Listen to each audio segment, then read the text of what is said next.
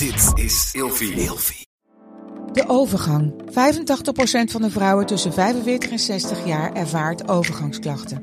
Klachten die kunnen leiden tot een verkeerde diagnose of langdurige arbeidsongeschiktheid. Wat kun je doen als je overgangsklachten ervaart? Hoe maak je dit bespreekbaar op je werk? En als jouw medewerker bij jou komt, wat kun je als werkgever dan doen? Sector Instituut Transport en Logistiek heeft een kennisplatform ontwikkeld waar jij terecht kunt voor tips en adviezen. Wil je hier meer over weten? Kijk dan eens op stl.nl/slash overgang.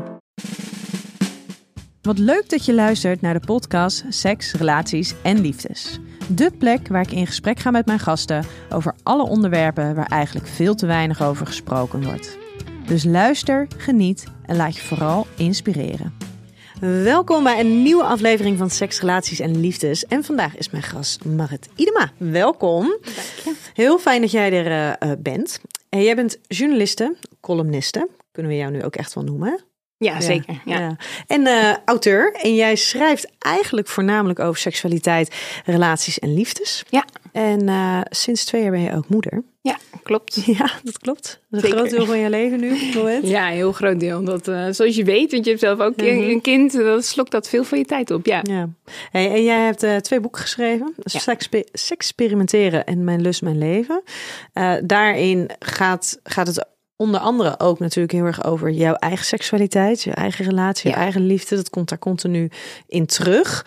Heb jij nou ook een beetje dat je de druk voelt dat er continu maar wat gebeurt op dat stukje van jouw leven? Je bedoelt dat ik heel dwangmatig bezig ben met dingen proberen, zodat ik wat over, om over te schrijven heb? Ja, of nou ja, misschien niet eens zozeer dwangmatig proberen, maar wel het gevoel hebt van hé, hey, maar er moeten dus dingen gebeuren, er moet dus in beweging zijn, want dat is, dat is waar, nou, nou ja, letterlijk waar ik mijn werk van maak. Ja, ik denk er wel eens over na van hoe lang kan ik dit nog blijven doen? Weet je, er zijn natuurlijk wel interessante fases nog te bedenken in de toekomst, de overgang, whatever. Maar dat, het is natuurlijk wel eindig op een bepaald moment, dit onderwerp. Maar tot nu toe gaat het eigenlijk wel heel uh, organisch. Ik eerst en dacht ik heel erg na over wat voor relatievorm wil ik nou en waarom monogamie en waarom niet. En op een gegeven moment kom je in die fase waarin je kinderen begint en dan komt er weer zoveel meer op je af. En ben ik me eigenlijk meer gaan focussen op de rol van seks binnen je relatie. En uh, ja, hoe je dat vooral leuk houdt samen, los van de rest eromheen. Ja, want het laatste boek dat je hebt geschreven, dat gaat over seksualiteit en zwangerschap. Dan wel de transitie van seksualiteit uh, van voor en na zwangerschap dan wel hè, de, de, de oude rol aannemen. Waarom vond je het nou zo belangrijk dat dit boek er kwam? Omdat er heel veel over, uh, over, over ja, het effect van een kind op je leven wordt geschreven, maar eigenlijk heel weinig over het effect op je seksualiteit en over oh, ja, hoe blijf je nou geliefde echt. En wel over andere dingen die erbij komen kijken, natuurlijk dat je moet blijven daten en alles, maar echt als ik zocht naar echt dingen van hoe zit het nou met, uh, met seks, met, met, uh, met hoe het voelt daarna. Met, uh, ik had bijvoorbeeld daarna mijn orgasme voelde veel minder fijn. Ik, seks is mijn werk. En ik, heb er, ik dacht dat ik alles wel wist, maar daar had ik nog nooit wat over gehoord. En ook uh, je wordt heel erg begeleid. Je krijgt natuurlijk heel veel informatie van verloskundigen. Maar eigenlijk, het, seksualiteit wordt eigenlijk helemaal niet echt. Ja, ze zeggen een week na je, na je bevalling dat je echt aan de pil moet, want je kan nog een keer zwanger worden. Maar qua voorlichting is dat het eigenlijk wel. En als ik om me heen kijk, dan zie ik hoe vaak het misgaat bij kerstverse ouders op het gebied van seksualiteit. En dat heel veel mensen nog steeds denken dat, je, dat, dat, dat neuken het enige is wat je kan doen samen. En ik geloof gewoon heel erg dat in, in die periode waarin je het zo zwaar hebt samen en waarin je toch vaak geïrriteerd bent en kapot, die verbinding is zo belangrijk. Maar hoe verlies je dat niet en hoe pak je dat weer op? Ja. Dat, dat, ja, ik, vond, ik dacht, omdat dit mijn ding is, dacht ik dat het voor mij makkelijk zou zijn. Maar het overviel me compleet hoe ontzettend zwaar het was. Ja, daar heb je helemaal niet op geanticipeerd. Tuurlijk wel. Ik wist wel dat ik had een heel spannend seksleven. We gingen vaak naar erotische feesten. Uh, we hadden trio's en alles. Ik wist heus wel. Ik was niet zo naïef om te denken dat het zo zou blijven. Maar dat, dat het echt de zin uit mijn tenen moest komen. Dat ik mezelf totaal zou verliezen op seksueel gebied. Dat, dat, dat had ik niet gedacht. Omdat ik altijd heel erg heb genoten van seks. Voor mij was seks altijd iets wat natuurlijk ontstond, de zin en makkelijk was. Ja. Ik, ik heb natuurlijk wel heel vaak gepraat met, met vooral vrouwen, maar ook mannen, die, uh, waarbij dat wat gecompliceerder lag, maar nooit zelf ervaren. En uh, ja, dat was dus wel een uh, eye-opener. En dan wordt het ineens ook heel anders, hè? En dan kan je ook eigenlijk veel beter invoelen dat het dus niet altijd zo makkelijk is. en dat het niet ja. altijd maar een kwestie is van eventjes zin maken en Ja. hup, besteed er gewoon even wat aandacht aan. Nee, nee, het is echt wel gecompliceerd. Ja, Kijk, de oplossing is wel gewoon. Kijk, dat is jammer. Er is niet een makkelijke oplossing. De oplossing is het wel blijven doen. En dat heb ik zelf ook echt ervaren. Want het is. Ik had ook al tijdens mijn zwangerschap en zeker de periode daarna gewoon iets van. Laat ook maar. Weet je, ik heb echt duizend dingen die ik op dit moment liever doe dan dat. Maar je merkt wel, en dat vind ik dus wel het hele bijzondere van seks. En ik heb seks eerder altijd gezien als iets spannends en geil en wild. Maar daarna, eigenlijk pas na mijn zwangerschap, merkte ik pas echt zo bewust het, effect op mijn relatie. Dat op het moment dat je eigenlijk ja, recht tegenover elkaar staat en veel nou, venijnigheid voelt, om het maar even zacht uit te drukken. door Hoeveel de te korte nachten. door de korte nachten en alles wat Ja. er speelt en gehuil. Onze, onze baby huilde heel veel, waardoor je echt je heel gestrest voelt. Die seks zorgt echt voor verbinding. En wij werden echt zachter erdoor als we dan weer een keer lekkere seks hadden gehad. Ja. En denk je dan dat het voor mensen juist geruststellend is, of misschien wel een beetje verontrustend, dat seks voor jou zoiets ehm fijns was, iets lekkers was, zo iets wat zo makkelijk beschikbaar was voor jou voordat je zwanger werd, en dat het dus na de zwangerschap nou ja, zo complex is geworden. Is dat denk je dan beetje verontrustend of juist geruststellend? Dat jij ook jou het kan overkomen? Ik maar denk geruststellend ja. voor veel. Dat heb ik wel vaak te horen gekregen van ik ben blij dat jij dat ook zo ervaart. Blijkbaar is het dus normaal. En ik denk dat dat ook wel voor mezelf leerzaam was. Het is, het is oké als het een periode verandert. Het is oké als je er even wat anders in staat. Het is oké als je even wat meer je best ervoor moet doen. Maar wat niet oké is, is dat je gewoon een handdoek in de ring gooit. Als je er wel behoefte aan hebt. Nou ja, als je dus als, als je denkt van ik ga liever, eh, ik stop er liever even mee. Want het is gewoon, dat is mijn ervaring. Dat zie ik ook veel om me heen gebeuren. Is dat mensen dan maar zoiets hebben van weet je, we gaan het wel weer doen als de kinderen naar school gaan of, of op een bepaald moment. Maar ik geloof daar niet in. Ik geloof dat het niet ineens spontaan weer ontstaat, die zin. Ik geloof dat je elkaar in een paar jaar gewoon heel goed, heel erg kwijt kan raken. En ik zeg echt niet dat je drie keer in de week moet doen. Maar ik denk wel dat het belangrijk is om die intimiteit samen op te blijven zoeken. Zodat je niet verandert in broer en zus. Ja, maar er zit natuurlijk wel weer een verschil tussen intimiteit en seksualiteit. Ja, maar ik geloof wel erin dat eh, je hoeft geen penetratieseks te hebben. Als jij anderhalf jaar geen penetratieseks wil of twee jaar of whatever, prima. Maar blijf wel zoeken naar wat is wel mogelijk. Desnood masturbeer je samen of in ieder geval iets waardoor je gewoon even de tijd neemt voor elkaar. Voor intimiteit. En ik denk wel dat een orgasme hier en daar toch ook wel fijn is samen. Ehm, dat, ja, nee, ja, weet je, ik denk dat dat gewoon voor iedereen heel erg verschillend is. Maar ik denk wel dat op het moment dat je de focus gaat leggen op dat orgasme, ja, dan doe je jezelf zo verschrikkelijk tekort. Ja, Ja, 100%. Maar bij mij ontspant dat wel heel erg. Ja, maar daarin is natuurlijk het krijgen van een orgasme is dus niet voor iedereen zo makkelijk. En het idee dat er dus een orgasme moet komen als, als teken dat het lekker was, als teken dat je assertief genoeg bent geweest, dat je voldoende ontspannen bent geweest, voldoende opgewonden bent geweest, dan is het ineens een, een prestatiedingetje. En juist dat moeten gaan, gaan, gaan doen en daar naartoe gaan eh, eh, bewegen, dat zorgt voor zoveel stress bij mensen dat dat hele orgasme niet gaat komen. Maar denk je dat seks, als je zo'n lange relatie hebt, dat zeker na zo'n bevalling, dan is eigenlijk, vind ik, seks zonder orgasme, dat is eigenlijk seks zonder beloning. Voor mij. Nee. nee, want bij mij is er ook echt, dat is bij mij ook echt namelijk heel erg veranderd na, eh, na de bevalling. Uh, maar voor mij is dat orgasme is dus helemaal niet zo heel erg belonend. Ja? En- ja. Hm. En maar dat, is het minder lekker geworden? het is gewoon minder, minder belonend. En ik merk dat op het moment dat je daar dus dan de focus op gaat leggen, dat je de, dat, dat dus ten koste gaat van de hele vrijpartij. Hm. Omdat je dan dus een soort van continu bezig bent met: ben ik wel opgewonden genoeg? Gaan we wel de goede kant op? Zit er wel een opbouw in? In plaats van gewoon in het hier en nu ervaren hoe het voelt Ja, en daarvan kunnen genieten. Ah, en- ja, ik ervaar dat zelf helemaal niet zo. Ik vind juist het heel fijn als het daar naartoe gaat. Maar ik vind wel seks, als ik mijn orgasme nader, gewoon duizend keer zo lekker. ja? Ja.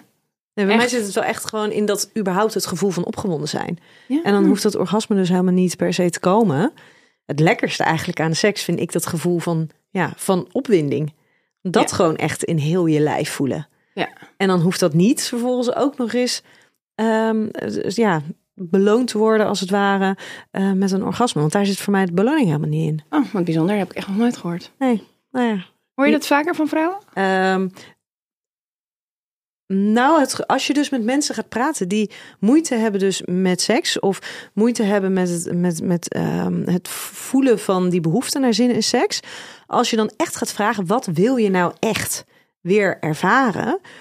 Dan komen ze er uiteindelijk vaak toch bij uit, bij dat gevoel van echt weer die opwinding kunnen ervaren. Tuurlijk. Maar kijk, als ik een one-night stand heb, dan hoef ik ook niet klaar te komen. Want dan zijn er zoveel dingen die meespelen. Plus bij een nieuwe man lukt het sowieso niet om die ontspanning te bereiken. Maar ik denk wel dat in een lange relatie zal ik in ieder geval niet snel dat level van opwinding bereiken wat je hebt bij een nieuw iemand. Absoluut. Dus dan, ja, dan, hoe, hoe de fuck kom je daar?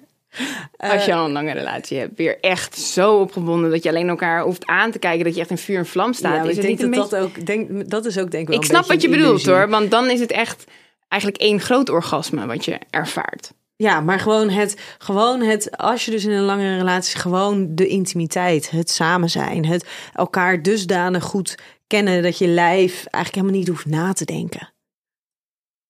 Nou, Ik denk ook niet na, maar ik kom wel gelijk klaar. heel goed. Hey, ehm, maar het thema wat wij vandaag Ja. gaan bespreken, dat, eh, dat, nou ja, dat ligt ook helemaal natuurlijk in de lijn van, eh, van waar wij het nu al over hebben, namelijk over eh, seksualiteit en zwangerschappen dan wel in je rol als, als ouder. Ja. En daarin heel bewust heb ik hem eventjes in rol als ouder. Want wij zijn natuurlijk allebei vrouw en moeder. Maar het kan natuurlijk zomaar zijn dat je, dat je als man of als mens überhaupt merkt van hé, hey, daar zijn gewoon eh, dingen die veranderen. Ja. Ik heb voor jou ook nog een klein cadeautje. Oh my god. Ja, de fles Bobby's Gin Uit Schiedam. uit Schiedam. Gebrouwen in, eh in Absoluut, Schiedam. Nou, absoluut. jeetje, Ongeveer om de hoek lekker. hier. Dus eh, ja. Thanks. Ja. Hey, jouw boek Experimenteren staat op Storytel. Jouw nieuwste boek Mijn Lust en Mijn Leven staat daar nog niet op. Nee. Dus dat kunnen luisteraars helaas nog niet beluisteren. Ga je het nog wel inspreken? Ja, dat is wel, eh, staat wel op de planning. Ja. Ja.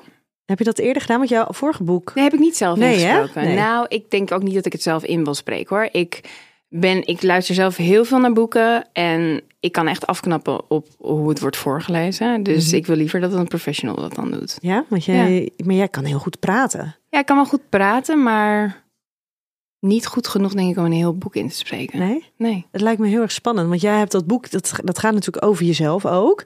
Ehm, en als iemand dat dan voor jou gaat voorlezen, qua intonaties, qua gevoel wat erin wordt gelegd. Het is, het is jouw verhaal, jouw idee. Nou, misschien moet ik het nog even heroverwegen. Nou, doe dat vooral. Hey, ehm, welk boek heeft jou nou zo geïnspireerd? Even kijken, welk boek heeft mij geïnspireerd? Er- Ik, ik lees zo ontzettend veel, dus ik vind dat heel moeilijk eh, om te zeggen. Ehm, het is niet zo dat ik nou, als ik kijk naar mijn werk, dat er echt één boek is dat ik dacht, nou, daarom ben ik over seks gaan schrijven. Eigenlijk helemaal niet. Het is meer de, de verhalen van mensen die inspireerden me of die intrigeerden me, waardoor ik gewoon heel erg in het onderwerp gedoken ben. En verder wil ik eigenlijk liever niet te veel boeken over seks en liefde lezen, want het voelt voor mij echt als werken als het over dat onderwerp gaat. Ehm, even denken wat ik een heel inspirerend boek vond. Eh, wat ook vooral over relaties gaat. Ik lees eh, graag historische romans. Eh, en dit was een van de boeken die ik deze week heb gelezen. Dat is De Mannen van Maria. Die staat op Storytel. Dat gaat over, over een vrouw in de 16e eeuw, als ik, het goed, als ik me goed herinner. Ehm, heb hem afgelopen week nog gelezen. Nee, afgelopen week nog geleden. Maar het jaartal. eh ehm, en het gaat over Nederlands-Indië. En zij heeft heel veel verschillende relaties met mannen, omdat ze allemaal doodgaan. En ze vertelt dan elke keer over haar nieuwe huwelijk. Ah. Is, Ja, want ik had er inderdaad even gezien dat het ging over een vrouw met meerdere relaties. Maar dat is in, omdat de mannen elke keer kwamen te de overlijden. enige manier om in ieder geval in, in Nederland meerdere relaties te hebben als vrouw in die tijd, was denk ik wel als ze doodgingen. Oh. Maar in, in Nederlands-Indië mocht je dan best wel snel hertrouwen. In Nederland was dat lastiger. Dan moest je eerst een jaar in de rouw. En ja, in Nederlands-Indië waren weinig vrouwen. Dus dan wilden ze juist dat het een beetje doorliep. Dus zij had heel snel eh, de ene na de andere relatie. En werd op die manier, ja, op die manier steenrijk. Dat is een waar gebeurd verhaal. Oh, wauw. Ja. Oh, wauw. Hey, en wat is nou dat je zegt dat je eh, inspirerend of mooi vond aan dat boek? Of gewoon een waardevolle boodschap? Even kijken, ik hou wel van non-fictie omdat je ook iets leert. Het klinkt heel, heel groot, maar dat, dat, dat is toch altijd, als het echt gebeurd is, vind ik het altijd nog net iets bijzonderder. En ik hou wel echt daarom van historische romans, omdat je dan denkt van wow, bizar hoe dat vroeger ging. En hoe bizar hoe makkelijker toen ook mensen, tenminste dat, dat is voor ons heftig, voor ons is het zo normaal dat je een bepaalde leeftijd bereikt. De dood staat daar natuurlijk wel heel uh, centraal in, uh, in dat soort boeken. Ja. Ah. En wie zou jij dat boek kunnen aanraden? Hmm, even denken. Ik moet heel erg zeggen dat mijn, mijn, in mijn directe omgeving, behalve mijn ouders, leest niemand. Oh, echt nee, niet? Nee, niet echt, nee. Maar ik, uh, daarom vind ik Storytel wel echt een uitkomst. Dus ik geef wel altijd mijn, mijn leukste tips geef ik door aan, aan mijn vriendinnen en aan mijn broertje. Um, maar als het echt om lezen gaat, dan, dan heb ik alleen mijn ouders eigenlijk. Ja. Oh, wauw. Ja. En waarom heb, vind jij het dan wel zo leuk? Ja, ik weet het niet. Ik bedoel, het is natuurlijk ook mijn werk, maar ik ben ook ja, opgegroeid op die manier. Mijn ouders hebben ons wel altijd heel erg, mijn broertje en mij, altijd heel erg geprobeerd uh, enthousiast te maken voor lezen. En dat is in mijn geval wel gelukt. Wordt er rustig van. Ja. Nog steeds. Ja, ik luister ook heel veel hoor.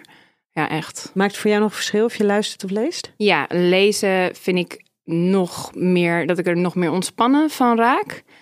Uh, luisteren doe ik vaak als ik ook iets anders doe. Dus Ja. als ik de was aan het opvouwen ben, als ik aan het fietsen ben. Eigenlijk op elk moment, als ik in de trein zit, eigenlijk elk moment uh, dat ik gewoon iets aan het doen ben, luister ik naar een Ah. podcast of naar een boek. Heerlijk, Ja. heerlijk. Ik uh, ga hem eens opzoeken, De Mannen van Maria. Ja. Hey, en wil jij nou ook um, De Mannen van Maria lezen of luisteren? Of een van de andere 300.000 andere luistert of e-books? Ga dan nu eventjes naar storytel.com slash Nienke en uh, luister de eerste 30 dagen gratis. Vijf woorden die voor jou gaan over seks, relaties en liefdes. Mm. Ja, intimiteit, verlangen, verbinding, uh, ergernissen. Is niet alleen maar leuk, hè? Die horen er gewoon bij. Familie. Waarom familie? Ja, omdat ik dat wel, denk ik, het mooiste vind van dat je samen een kind hebt. Dat je bent niet meer alleen maar geliefd, je bent een familie. Ja, dus echt je basis. Ja, je gezin. Ja, ja. En dat verlangen?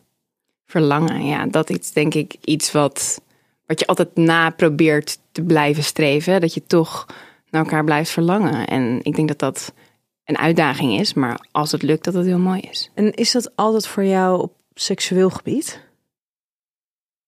Mm, ik denk vroeger wel. Bij mij was het wel altijd, het, het moest altijd heel spannend zijn en er moest heel veel gebeuren. En op het moment dat het ook maar een beetje sporen van sleur begon te, ja, dan, dan, raakte ik al in paniek. Dan dacht ik van, wow, dit is saai. Er moet echt even, we moeten nu dit of we moeten dat. Dus was, in dat opzicht was het, speelde dat toen zo'n grote rol in mijn leven, dat nastreven daarvan. Ik merk wel dat ik de laatste jaren wat meer rust heb en dat eigenlijk wel fijn vind. Ja, want kan je wel in de relationele zin uh, naar jouw vriend verlangen? Ja, zeker. Je kan ook verlangen naar een bepaald gevoel van verbinding op het moment dat je elkaar even kwijt bent natuurlijk. Je kan verlangen naar dat iemand je beter begrijpt. Je kan verlangen naar dat je weer de seksuele klik had die je, uh, of tenminste in de beginjaren had. Uh, als je iemand een tijdje niet hebt gezien, kan je naar iemand ja. verlangen. Als je allebei je eigen leven leidt. Ja, maar dat klinken bijna verlangens die ontstaan echt vanuit een, vanuit een gemis. Die niet eventjes zomaar weer dan vervolgens ook kan vervullen. Ik eens dat ik dan, als ik een lange dag op de praktijk heb gehad, dus dan heb ik het over een dag dat Ja. ik weg ben geweest, dat ik dan merk dat ik echt uit de auto ren, Ja. naar binnen ga, gewoon puur omdat ik echt naar verlang. Ja, het kan ook kleiner. Dat heb ik ook wel hoor. Dat je gewoon, dat is gewoon fijn aan, daarom zeg ik net je eigen leven leiden. Dat vind ik ook zo fijn als je gewoon allebei je eigen vrienden hebt en je eigen werk hebt. En ja, dat, dat je gewoon inderdaad gewoon echt weer, ook al is het zoveel jaar, ben je al zoveel jaren samen, dat je verlangt inderdaad naar elkaar weer zien. Ja. Naar iets leuks doen samen. Naar eh, een avond met z'n tweeën een keer. Daar kan ik ook naar verlangen. Ja, gebeurt dat vaak bij jullie? Best vaak, want mijn ouders die passen een dag en een nacht per week op. Dus Mazzelaar. Dat is echt heel chill, ja. ja. Ja. Dus wij hebben elke week in ieder geval één nacht en avond met elkaar. Lekker. Ja. En gebruiken jullie ook tijd heel bewust? Ja, die gebruiken we heel bewust. We hebben ook al echt met elkaar afgesproken. Het is natuurlijk verleidelijk. Zeker de nachten zijn bij ons nog steeds best pittig. En heel vaak heb je zoiets van, zullen we gewoon lekker om uh, half negen naar bed gaan, bij wijze van spreken. Half negen ook al? Nee, nee, dat, bij wijze van spreken. Maar dat, dat, dat doen we niet. We hebben wel zoiets van, die tijd is zo kostbaar, dat we gewoon altijd, hoe moe we ook zijn, dan iets leuks gaan doen. Ja, ja, maar er moet ook weer niet te veel verplichting worden. Nee, niet te veel verplichting, maar een beetje verplichting is denk ik wel goed. Een beetje druk. Beetje, beetje druk. Ja, want als je altijd doet, tenminste dat ervaar ik wel, zoals ik altijd doe waar ik zin in heb, is dat niet per se het allerbeste voor mijn relatie. en als je dan weer zo'n avond met elkaar hebt gehad, die, die vermoeidheid, daar zit je je wel overheen. Daar kom je wel overheen. Maar gaat, het dan, gaat zo'n avond dan over seksualiteit of gaat zo'n avond dan over intimiteit? Intimiteit. En seksualiteit, dat, dat, dat is de kers op de taart. Maar ik denk ook dat je in een leven wat zo uitdagend is. We werken allebei heel hard en uh, een kind. En dan, dan ook al gewoon echt even een echt gesprek hebben met elkaar. Dat is ook echt zo belangrijk. Ja. Weer met elkaar lachen. Die ook. Ja, dat is echt belangrijk. Ik had laatst uh, hele goede vrienden van ons die uh, keken, kijken met een regelmaat dat ze dan uh, van een comedian een show keken. En dat hebben wij laatst ook voor het eerst gedaan. En het is dus echt heel leuk als je dan dus heel de avond gewoon lachend op de bank zit. Ja, nee, dat is heerlijk. het is zo goed. anders. Weet je, het is helemaal niet waar je per se aan denkt van goh, we hebben even een romantisch avondje samen. Maar je zit in zo'n andere flow die Ja. tegelijkertijd dus ook heel, ja, heel intiem voelt. Ja, en ontspannen. Ja. Ja. ik kan me goed voorstellen. Ja. Hey, ik heb voor jou eh, vijf kutkeuzes. Oké. ja. Seksualiteit of intimiteit? Ja, voor mij is seksualiteit intimiteit. Dus intimiteit. Strikte monogamie of een relatie met meer vrijheden? Meer vrijheden. Zou je jezelf ooit nog in een strikt monogame relatie zien? Nee. Geven of ontvangen in de seks? Hm. Moet ik echt Je moet. ontvangen? Seks uit liefde of seks uit lust? Liefde. Nooit meer seks of nooit meer een relatie? Nooit meer seks. Ik eh, heb eh, stellingen voor jou. Oké. Het is onoverkomelijk dat seksualiteit verandert na een zwangerschap of het worden van een ouder. Mag ik hier wel met meer dan ja en nee antwoorden? Absoluut. Oké, fijn. Nou, je hebt natuurlijk wel eens mensen die een seksuele bloeiperiode eh, doormaken tijdens een zwangerschap. Vrouwen die er. Ik had zo'n vriendin die wilde echt letterlijk de hele dag alleen maar seks. Maar veel vaker hoor je het tegenovergestelde. Veel vaker wordt het wel een, een uitdaging. Je lichaam verandert. Je, ja, wat je het liefst wilt doen verandert. Het- Je hormonen veranderen. Dus ik denk dat ja, dat, dat voor de, zeker voor de meeste mensen is het uitdagend Ja. om er nog wat van te maken. En dan heb je nog het specifiek het, het, nou ja, het zwanger zijn stukje. Ehm, wil, wilde je, had jij behoefte aan seks tijdens je zwangerschap? Ik voelde me heel slecht de eerste drie maanden. Daarna ietsjes beter. En daarna ben je weer gigantisch. Dus ook in die periode, dat ging niet vanzelf, zeker, nee. Maar juist ook, wij zaten toen midden in een verbouwing. En eh, nou, ik was ineens een bejaarde, terwijl mijn vriend gewoon nog zijn feestleven doorleidde, wat we daarvoor samen deden. Dus ook juist in die periode heb ik ervaren hoe belangrijk het is om, ook al heb je misschien niet heel veel zin, zin wat, wat, wat vanuit je tenen komt, om er toch wat van te proberen te maken. En kon je dan niet bedenken van, weet je, kennelijk heb ik daar nu even geen behoefte aan. Mijn lijf is, is bezig met andere dingen. Ik laat hem lekker zijn ding doen. En ik blijf gewoon lekker bij mezelf. Nou, dat, dat, dat, dat deden we ook wel. Maar ik merk wel gewoon, ik merkte direct het effect daarvan op onze relatie. Ik voelde me heel ver van hem verwijderd. Ja? Ik miste echt die connectie, ja. En Is- ik merk wel dat op het moment dat je dan die intimiteit opzoekt en dat is bevredigend, dat, dat je je weer, dan voel ik me weer iets meer verbonden. Ja. Hey, en dan het stukje het worden van een ouder. Is dat onvermijdelijk verbonden met veranderingen in je seksualiteit? Dat weet ik niet. Je, je gaat elkaar natuurlijk wel anders zien. Je hebt nog meer taken die je samen moet uitvoeren. Het, het maakt het in ieder geval niet makkelijker. Dat, dat is één ding wat, wat zeker is. En ik denk voor de meeste mensen die nog in die rol moeten groeien, dat is gewoon wel. Het is uitdagend. En vooral omdat er zoveel slaaptekort bij komt kijken, is dat wel gewoon. Maar ik heb ook ervaren dat je gaat wel, tenminste dat is bij mij gebeurd. Uiteindelijk is het wel gewoon weer goed gekomen. En wij zijn elkaar niet kwijtgeraakt. We zijn niet veranderd in broer en zus. En het heeft toch wel een soort van extra dimensie toegevoegd aan mijn relatie. Want je gaat wel nog meer van iemand houden. Want je houdt niet alleen maar om iemand om wie die is en omdat het je partner is, maar het is ook de vader van de belangrijkste persoon in je leven. Ja. Dus het is ook wel weer iets wat, wat je relatie, denk ik, nog meer verdieping kan geven en nog mooier kan maken. Ja, mits je er bewust van bent van de veranderingen die erop treden. Precies. En als je daar ook gewoon ja, in je relatie blijft investeren. Ja. Dat is denk ik belangrijk. De transitie van geliefden naar ouders toe is voor vaders anders dan voor moeders. Ja, zeker. Het is minder hormonaal. En, eh, Ja, ja. Maar het is wel zo. Hè? Er is ook op, op Netflix staat er een hele interessante documentaire over baby's. Dat op, hoe meer, eh, hoe groter de rol is die vaders spelen in het leven van hun kind. Hoe meer betrokken ze ook zijn, hoe meer liefde ze voelen. En ook bij mannen verandert er dan wat in de hersenen. Dus ik zou vooral iedereen adviseren, verdeel de taken nou zo goed mogelijk. Wat voor relatie je ook hebt. Zorg dat dat in ieder, enigszins in balans is. Dat, dan hoef je je niet zo op twee andere planeten te voelen. Nee. Want dat gebeurt natuurlijk wel vaak.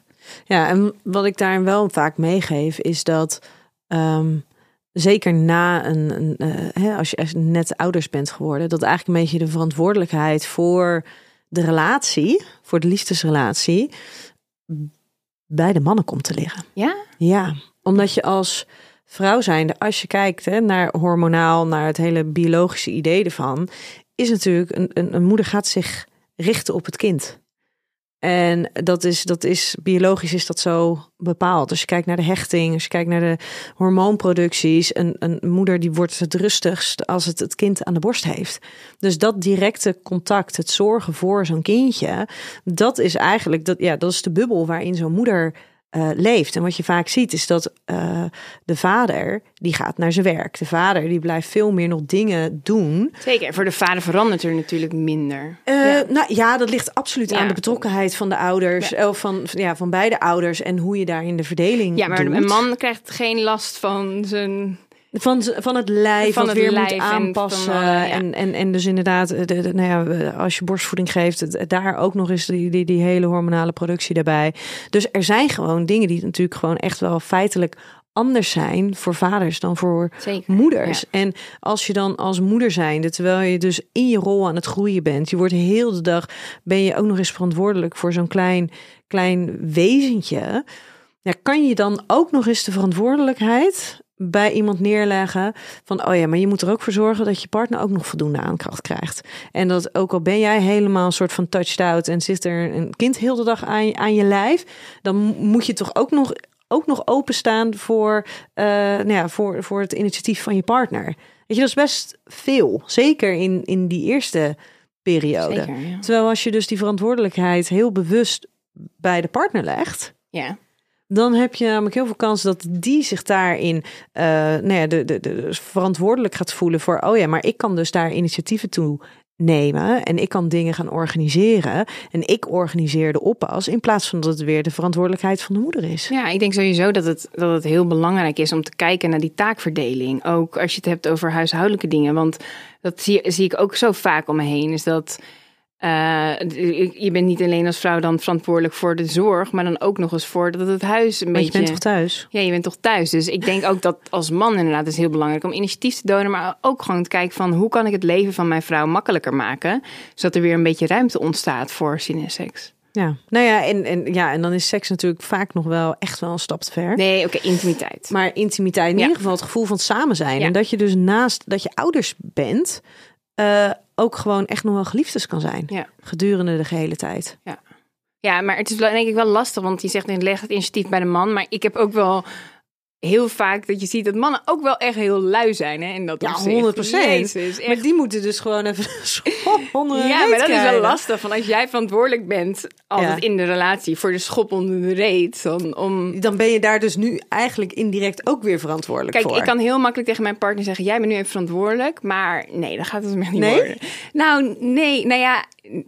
Nee, ik ben denk ik wel degene die, die zorgt dat het altijd blijft draaien in dat opzicht. Dat we genoeg leuke dingen doen en dingen. Hij is in dat opzicht lui. Hij is in heel veel opzichten totaal niet lui, maar in dat opzicht zeker wel. Ja. En als jij het nou niet doet, gaat hij dan klagen dat jullie te weinig dingen samen doen?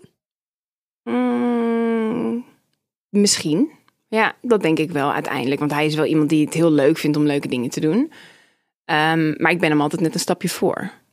Dus, Mm. dus niet zo snel weten. Dus wat gebeurt er? Als jij wat meer ruimte laat, gaat hij dan misschien wat Ja, maar ik, vind, ik voel dat niet in. Kijk, onze relatie is in dat opzicht niet zo eh, uit balans. Hij doet rond het huishouden eigenlijk. Dus ik heb daar best wel veel ruimte mee. Hij is echt niet normaal netjes. Dus voor mij is dat. Ik heb daardoor best veel ruimte. Maar als je kijkt naar heel veel relaties, is het toch vaak de vrouw die nog ook zoveel extra taken.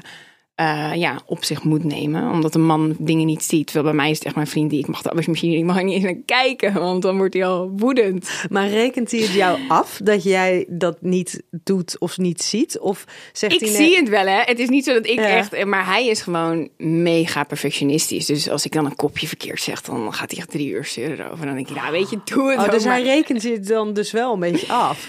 Tuurlijk, hij zeikt wel aan mijn hoofd. Maar eerlijk, ik heb, eer, ik heb relaties gehad met mannen... waarbij ik altijd aan hun hoofd zeikte. Ik heb veel liever dat iemand zeikt aan mijn hoofd dan andersom. Ja, ja. En ik ben netjes, hè. Dus het is ook echt, het is echt mierenneuken wat hij doet. Maar ik vind dat niet zo erg. Want het zorgt er wel voor dat ik een heel ontspannen leven leid in dat opzicht. En mijn huis is altijd helemaal top fijn in orde. Ja, dus jij zegt eigenlijk, als, als je kijkt naar verantwoordelijkheid die bij de partner komt te liggen en initiatief van de partner, eh, dat, dat als je al bijvoorbeeld het stukje in het huishouden op je neemt, dan neem je al zoveel dingen weg. Ja, je neemt echt wel, je geeft iemand ruimte. Kijk, ik denk dat dat heb ik zelf ook heel, heel erg ervaren. Ik moest me weer mezelf gaan voelen. Maar er was eigenlijk helemaal geen tijd en ruimte voor weer even. Ook al was het maar een half uur in bad gaan. Dat je even denkt van oké, heel even een momentje voor jezelf. Op het moment dat je nooit zo'n moment hebt... dan heb je ook geen zin in verbinding met je partner. Want je hebt wel wat anders aan je hoofd. Dus zullen altijd in die fase dingen zwaarder wegen. Maar als iemand weet, zegt van weet je... Ik, de baby slaapt nu even. Ik doe het huishouden terwijl jij veel in bad gaat. Of neem een massage of ga een rondje lopen of whatever. Dan, dan, dan, ik denk dat je dan hele goede stap aan het zetten Ja, bent. plus naast dat je dan de ruimte zelf krijgt, dus om inderdaad weer een beetje in contact met jezelf te komen, op wat voor manier dan ook.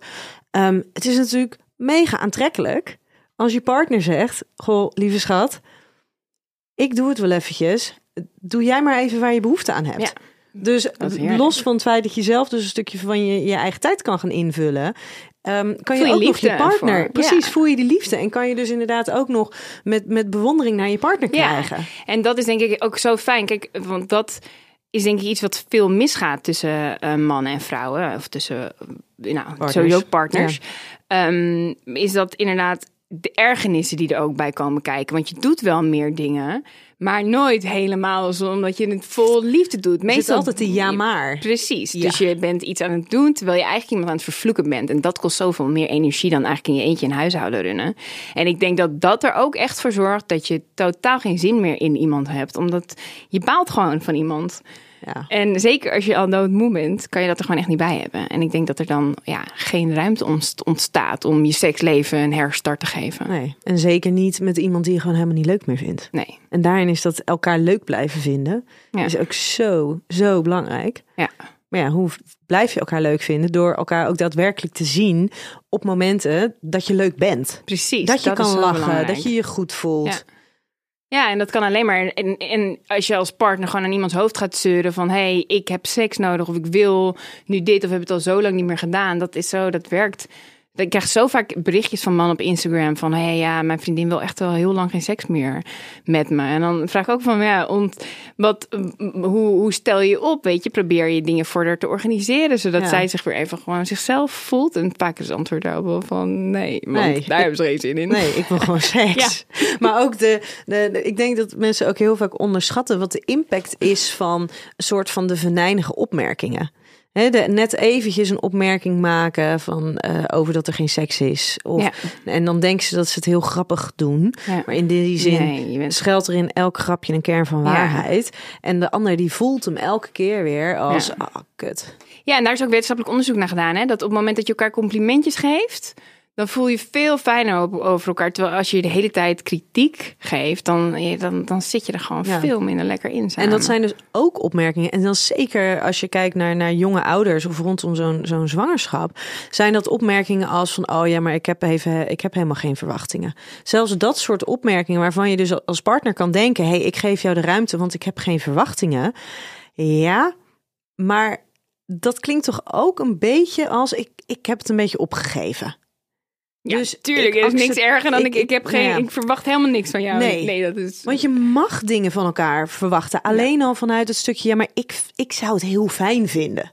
Ja. Dus ook dat soort opmerkingen kunnen zo, zo venijnig aankomen. Ja. Als je seks voor de komst van kinderen geen prioriteit kon geven, dan wordt het extra lastig om dit na de komst van de kinderen alsnog prioriteit te geven. Ja, zeker. Ja, als je al seksproblemen had, om het maar zo even te zeggen, voor de komst van je kind, wordt het er natuurlijk niet makkelijk op. En dat onderschatten mensen echt, hè? Zeker. Ik heb zo vaak en dan jonge ouders en die willen dan heel graag ehm, weer samen een beetje in die seksuele relatie groeien. En dan vraag je dus van oké, maar hoe was het daarvoor dan? En dan komen ze erachter van oh ja, maar daar had het eigenlijk ook helemaal niet zo'n hele grote rol. Maar toch verwachten ze van Ja? zichzelf. Ja, de kleine kindjes worden nu iets groter. Hè, die zijn dan, dus, eh, gaan dan in ieder geval naar school, zodat daar wat meer ruimte komt. En dat ze dan ineens zelf echt heel erg in contact met hun seksualiteit gaan komen. Vanuit het niks. Ja, precies. Dat zei ik net ook Ja. al. Dat gewoon dan dat je denkt van, nee, weet je, dat komt wel goed. Het gaat vanzelf ontstaat Maar het. komt niet vanzelf. Nee, dat geloof ik of er ook. kinderen zijn of geen kinderen, Nee. seks komt niet vanzelf. Nee. Ik denk dat dat een van de grootste misverstanden ook is. Hè? Dat mensen denken van ja, dat, je hebt een laag libido of dit is jouw libido, dat hoort bij jou. Terwijl ik heb ook zo ervaren door de jaren heen, de afgelopen jaren, dat je moet jezelf prikkelen. Op het moment dat je jezelf niet prikkelt, dan dooft gewoon die hele vlam.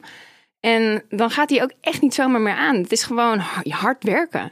Blijven investeren. En, Mhm. En dat is zo jammer. in seks komt nooit spontaan. En soms Wel bij kan nieuw het... iemand. Ja, nee, maar, Maar dat is dus niet spontaan. Dat voelt, want je bent dan. Dus je continu... bent die constant dat met- spel aan het spelen. En dan ben je met die energie bezig. Ja. En dan, dan ben je er continu, zit je in dat, in dat voorspel. Je hebt continu de mogelijkheid en de bereidheid voor seks. Maar dat komt niet omdat iemand voor je staat en je denkt... ja, nee, dat zijn... Je, hoofd is, draait al lang overuren. Ja, ja. Die is er continu Nee, dat is mee bezig. Ja. ja, jammer is dat, hè? Dat Ja, het dat is niet gewoon jammer. elke keer dat je je partner ziet, dat je wat in het begin had, dat je denkt, Ja, nee. klee uit. Oh, dat zou wel... Ja. Dat verlangen, dat is wel echt iets wat ik heel erg kan missen. Ja, dat kan ik ook missen, maar ik ben wel realistisch in dat opzicht. Ja. En ik, ik vind dat realisme vaak wel missen bij heel veel mensen. Weet je, dat zeggen van na, na vier jaar van... Ik denk dat dat ook een van de redenen is waarom zoveel relaties uitgaan. Omdat mensen gewoon echt het verkeerde idee hebben bij hoe je seksleven eruit zou moeten zien. Ja. En je ziet ook zo vaak dat mensen dan dat wel ineens weer voor iemand anders voelen en dan gewoon weer. Ja, en dan hebben ze de misopvatting, oh kennelijk heb ik het voor een ander wel. Ja, dus dus is mijn relatie niet, niet, ja. goed.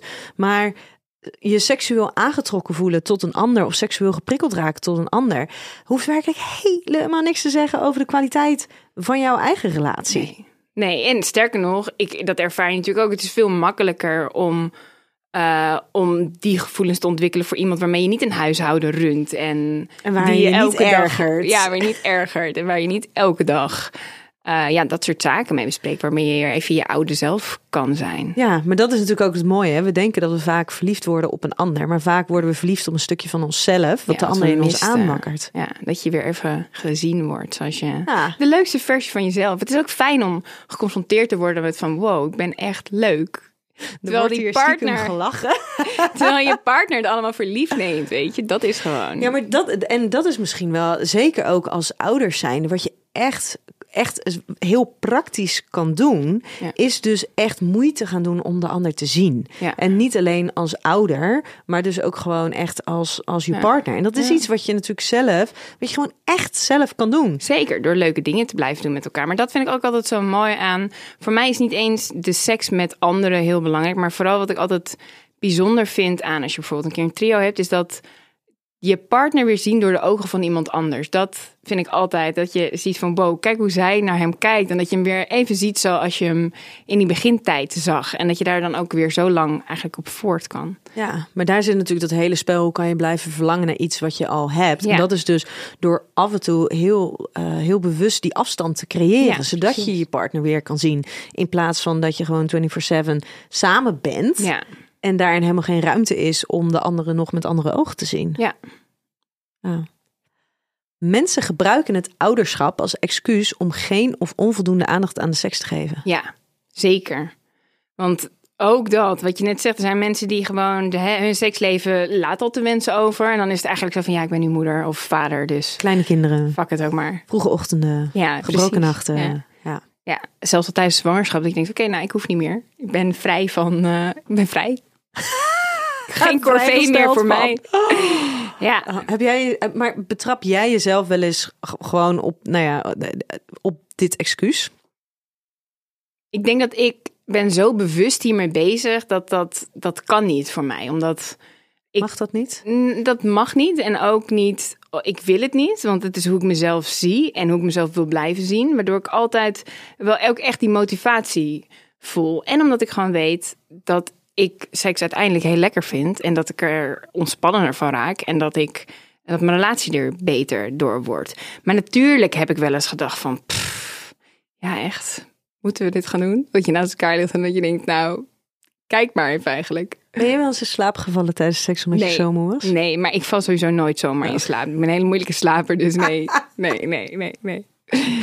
Ja, maar het is er ook gewoon heel menselijk om te denken, weet je, nee, sorry, maar de kinderen die waren zo, hè, of kind of kinderen waren vandaag zo druk. Ja. Het was zoveel.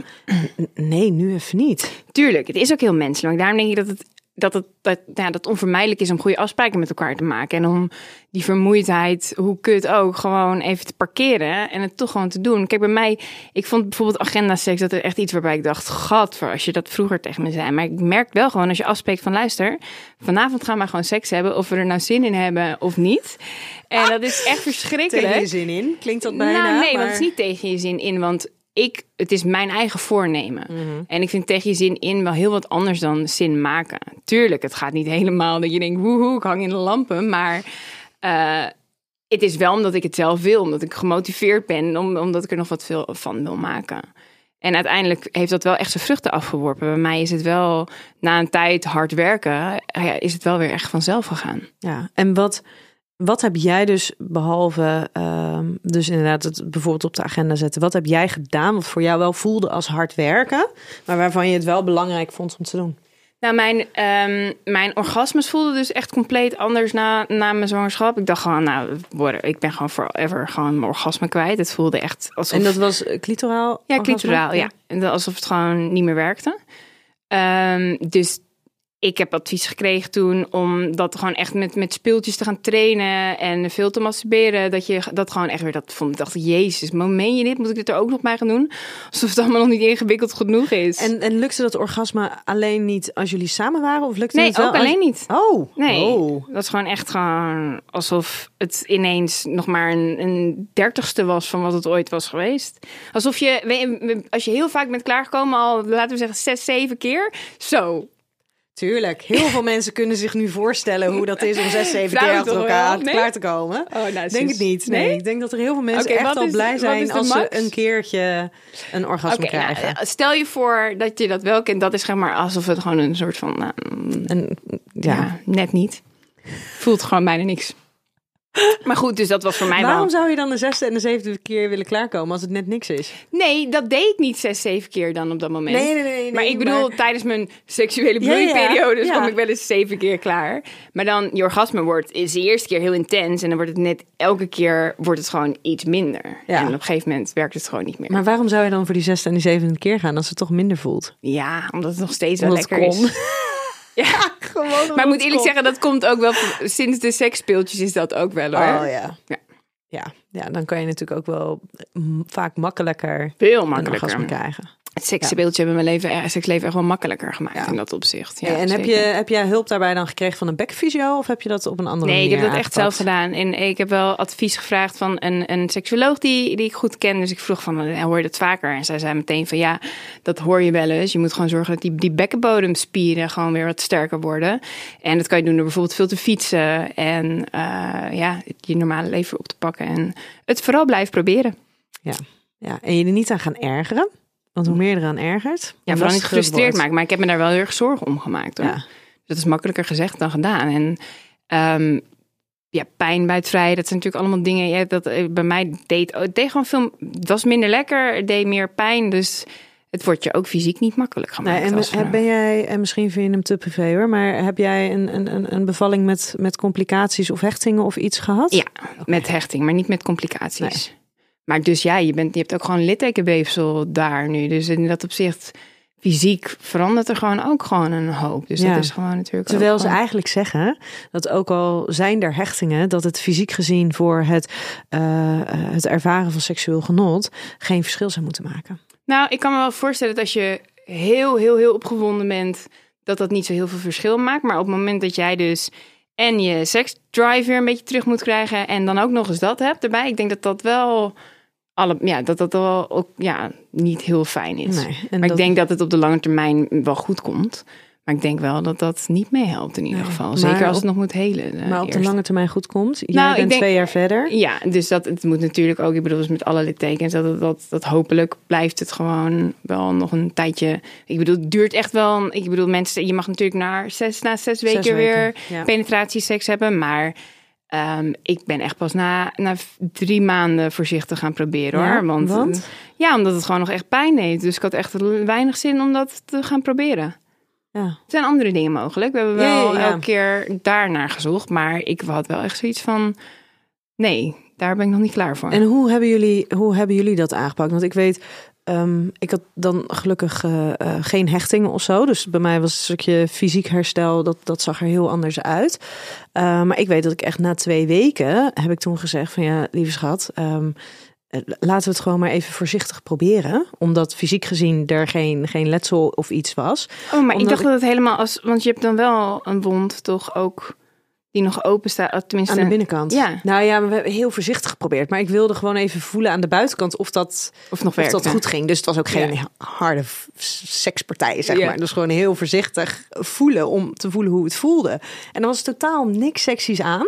Maar je wilde maar ik ben wel heel blij geweest dat ik dat had gedaan. Want als ik dat na zes weken had moeten doen, dan had in mijn beleving had die, nou ja, had die drempel druk. nog zoveel hoger geweest. Ja, ik wilde gewoon, ik wilde gewoon zorgen dat het echt geen pijn meer deed. Want ik had gewoon niet, ja, ik dacht gewoon, ik, ik zie ook niet de toegevoegde waarde om dat nu al te gaan proberen op het moment dat ik gewoon nu zelfs met plassen nog pijn heb. Waarom zou ik dat ja, doen? Nee, maar dat, dat is 100% Ja. heb je daar gelijk Dus als in. het nog pijn doet, moet je gewoon. Pijn is sowieso nee. Zo nee, daarom. Dus ik wilde echt gewoon zo lang mogelijk dat uitzetten, zodat ik zeker wist van het is nu gewoon genezen en het kan.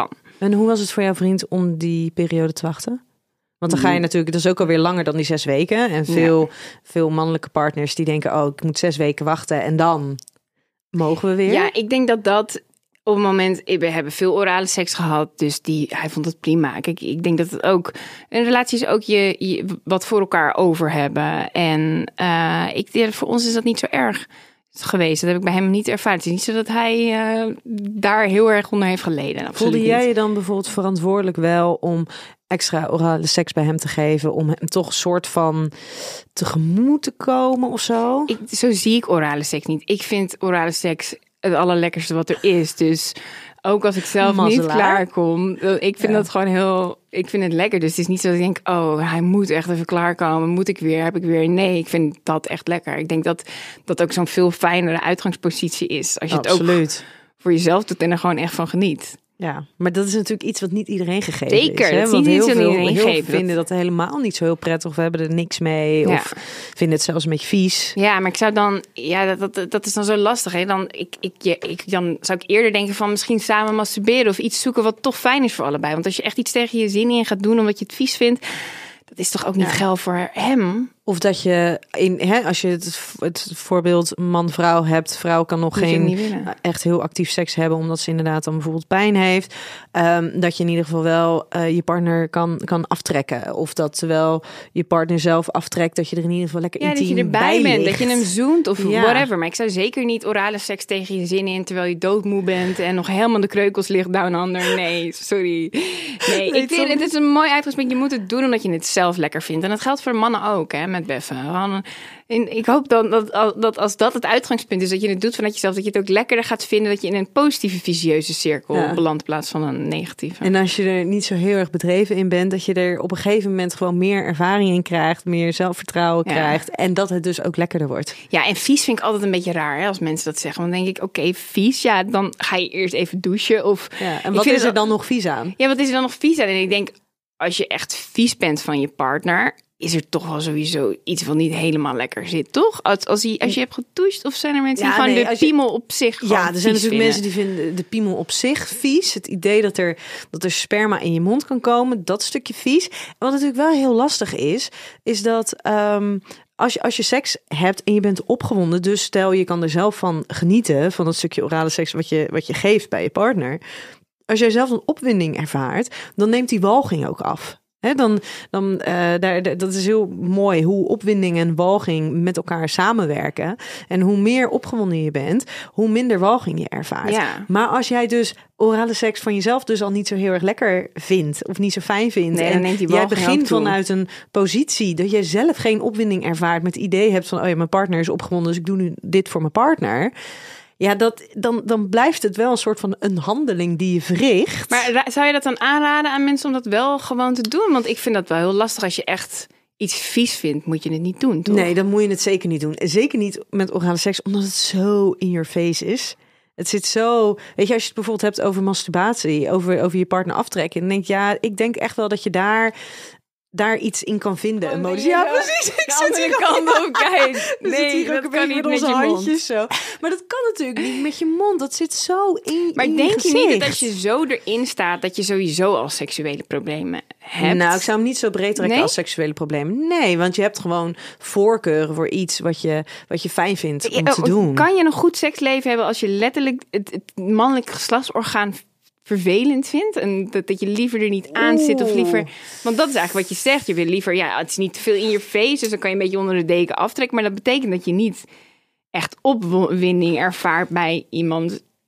Nou, ik denk Ja. dat er kunnen natuurlijk meerdere dingen zijn die jou opwinden. En dat hoeven niet per se, het hoeft niet zeg maar per se de piemel van je partner te zijn. Tuurlijk niet. Die jou opwindt. Nee, oké, maar het hoeft ook niet de piemel te zijn die je opwindt. Maar als het echt letterlijk iets is wat, wat je minder opwindt of wat je vies vindt. Ja, ik weet niet hoe dat werkt. Want ik kan me wel voorstellen dat als je bijvoorbeeld geen enkele moeite hebt gewoon met penetratieseks of met masturbatie, eh, dat je dan nog steeds heel erg opgewonden kan raken. Als er gewoon iets is wat je niet zo lekker vindt. Zijn natuurlijk heel veel mensen en die, die hebben helemaal niks met anale seks. Betekent niet dat ze dus ook seksuele problemen hebben, omdat Nee, ze het moeilijk vinden om in de buurt van de anus van je partner te komen. Maar op de een of andere manier bij de anus zeggen we, oh, zeggen heel veel mensen, oh, dat snap ik wel. Dat je dat niet helemaal lekker vindt, ook al heeft iemand gedoucht of wat dan ook. Maar als het dan om die piemel gaat, dan wordt het ineens problematisch. Maar het is natuurlijk, ja, vind je het vervelend om de piemel in je mond te nemen? Of, Nee, maar ehm, dat snap ik nog wel. Dat je hem liever niet in je mond hebt. Alleen maar als je ook liever er gewoon niet eens naar kijkt. Of er ja, liever hem niet aanraakt. Dat lijkt me best wel. Ja, maar helemaal niet aanraken, die lijkt me heel lastig. Want eh, hè, dan, is het, daar, dan gaat het natuurlijk ook over het stukje van ja, maar dan is er dus iets wat je niet wil. En wat je heel duidelijk niet wil, of wat heel duidelijk of een vorm van afkeer of eh, nou ja, remmingen oproept. En hoe kan je dan in zijn geheel helemaal lekker ontspannen en opgaan in het moment? En dus ik denk absoluut wel dat het ervoor zorgt dat je geremd bent of dat je je niet helemaal lekker eraan over kan geven. Maar ik weet niet of het dus ook betekent dat je seksuele niet- problemen nee, hebt. Nee, oké. Niet- Hey, dan hebben we de, de laatste stelling voordat wij hem ehm, alweer moeten gaan afronden. Het ouderschap is juist een mooie kans om opnieuw je seksualiteit te ontdekken. Een mooie kans zou ik hem niet noemen. Maar een kans, zeker. Een noodzakelijke kans? Ik, het is eerder iets wat je gewoon niet moet laten versloffen. Maar een mooie kans, nou dat... Nee, ik bedoel, hoe je het ook went of keert... Je hebt minder... eh, er is minder mogelijkheid tot spontane seks. En uiteindelijk is dat natuurlijk... Ik bedoel, het is, een het is leuker om je seksualiteit samen te ontwikkelen... op het moment dat dat alles kan. Op elke dag van de week. Ja, en dat je Eh, gewoon lekker smiddags thuis bent en dan ineens denkt... hey, Hey. zullen we even? Ja. In plaats van, oh ja, nee, het Kijk, met een kind zal je altijd moeten plannen, altijd rekening moeten houden. Dus, en ik denk dat spontaniteit is iets heel moois voor een seksleven. En Ja. dat is er gewoon vanaf. Alleen de zin in seks komt dus nooit spontaan. Maar enige vorm van spontaniteit binnen je seksuele Precies. relatie Ja, is precies. wel heel fijn. Ja, precies. Dat op het moment dat jij daadwerkelijk dat gevoel van opwinding ervaart, dat je ook de mogelijkheid hebt om even naar je partner toe Ja. te gaan en op wat voor manier daar uiting aan te geven. In plaats van dat je het voelt en dat je denkt, ja, maar ik zit nu met die kleine en kan er nu helemaal niks mee. Dus ja, en er is ook gewoon geen ruimte Nee. voor. Ja, ja. En dan duw je hem weer weg. ja. Want dat is ook altijd interessant. Als je dan vraagt aan ouders eh, de- die dus heel weinig seks nog maar hebben. Dan ga je dus inderdaad van ja, maar ben je wel eens opgewonden? En dan zeggen de meesten dus dat ze best wel regelmatig een vorm van opwinding ervaren. Maar de partner die weet er zelden van. En als je dan vraagt, ja, maar geef je daar wel eens dan uiting aan? Of doe je daar wel eens wat mee? Of mag het er überhaupt zijn? Nee, want ze hebben er niks aan. Terwijl alleen al even erbij stilstaan en het ervaren. En desnoods naar je partner even een berichtje sturen van nou, uh, ik voelde net even wat kriebelen of ik heb eigenlijk wel heel veel zin in seks. Nu op dit moment, geen garantie voor de rest van de dag. Um, dat het er dan al veel meer mag zijn. Ja, dat was mooi, ja. Dat, dat is natuurlijk ook heel vaak dat je op een bepaald moment het wel wil, maar op het moment dat het beschikbaar is, dat je weer denkt, nee, nu niet. Nee. Het is gewoon lastig, ja. En dat is natuurlijk, als je, ja, weet je, als je, als je iets voelt, als je ergens de behoefte naar hebt, um, dan is het zoveel makkelijker om het daadwerkelijk te doen. Als jij gewoon inderdaad om drie uur s middags denkt: Oh, ik voel inderdaad om wat voor reden dan ook dat je, dat je geprikkeld raakt, dat je opgewonden bent. Stel, je partner zou dan beschikbaar zijn, is het veel makkelijker om daarin mee te gaan dan wanneer je s'avonds, oké, maar nu hebben we de gelegenheid. Ja, maar de prikkeling, puff alleen de, niet meer. de puff, de behoefte is er totaal Ja. niet. Ja. Ja, het is een uitdaging, maar ik denk wel dat als je die uitdaging aangaat, dat er echt nog wat van te maken is samen. En dat het ook gewoon wel, eh, wel goed komt als Ja. je daar gewoon je best voor blijft doen. Ja. En de lat niet te hoog leggen, Ja. maar ook Gewoon- niet te lui zijn. Ook niet te lui zijn, inderdaad. En gewoon accepteren van mijn seksleven is anders de komende tijd. Ik denk dat dat voor mij was dat eh, had ook wel veel te maken met verwachtingen. En dat ik het lastig vond dat alles veranderde. Terwijl toen ik dacht van oké, het is wat het is. We gaan er het beste van maken. Maar ik kan niet verwachten dat het blijft zoals het was. Dat het ook al een stukje verlichting gaf. Omdat het gewoon dacht van ja, het komt wel weer. Ja. Dat geloof ik wel. Ja, het komt ook wel weer. Maar het komt en het gaat in je leven. Precies, het komt, gaat, gaat met golven. En het is gewoon sowieso lastig. Je vindt elkaar en je raakt elkaar weer een beetje kwijt. En zolang je elkaar maar weer blijft opzoeken en blijft, je best blijft doen, dan eh, geloof ik dat het kan blijven werken. Ja. En dat gebeurt wel te weinig, helaas. ja. Hey, we gaan hem eh, afronden. Dankjewel dat Yes. je er eh, was. Graag gedaan. Hey, mocht jij nou als luisteraar benieuwd zijn naar het boek van Marit, ik in ieder geval wel. Of bijvoorbeeld naar eh, mijn boek of het andere boek van, of het eerste boek van Marit. Check dan storytel.com slash Nienke en luister nu 30 dagen gratis. Lieve luisteraar, tot volgende week bij een nieuwe aflevering van Seks, Relaties en Liefdes.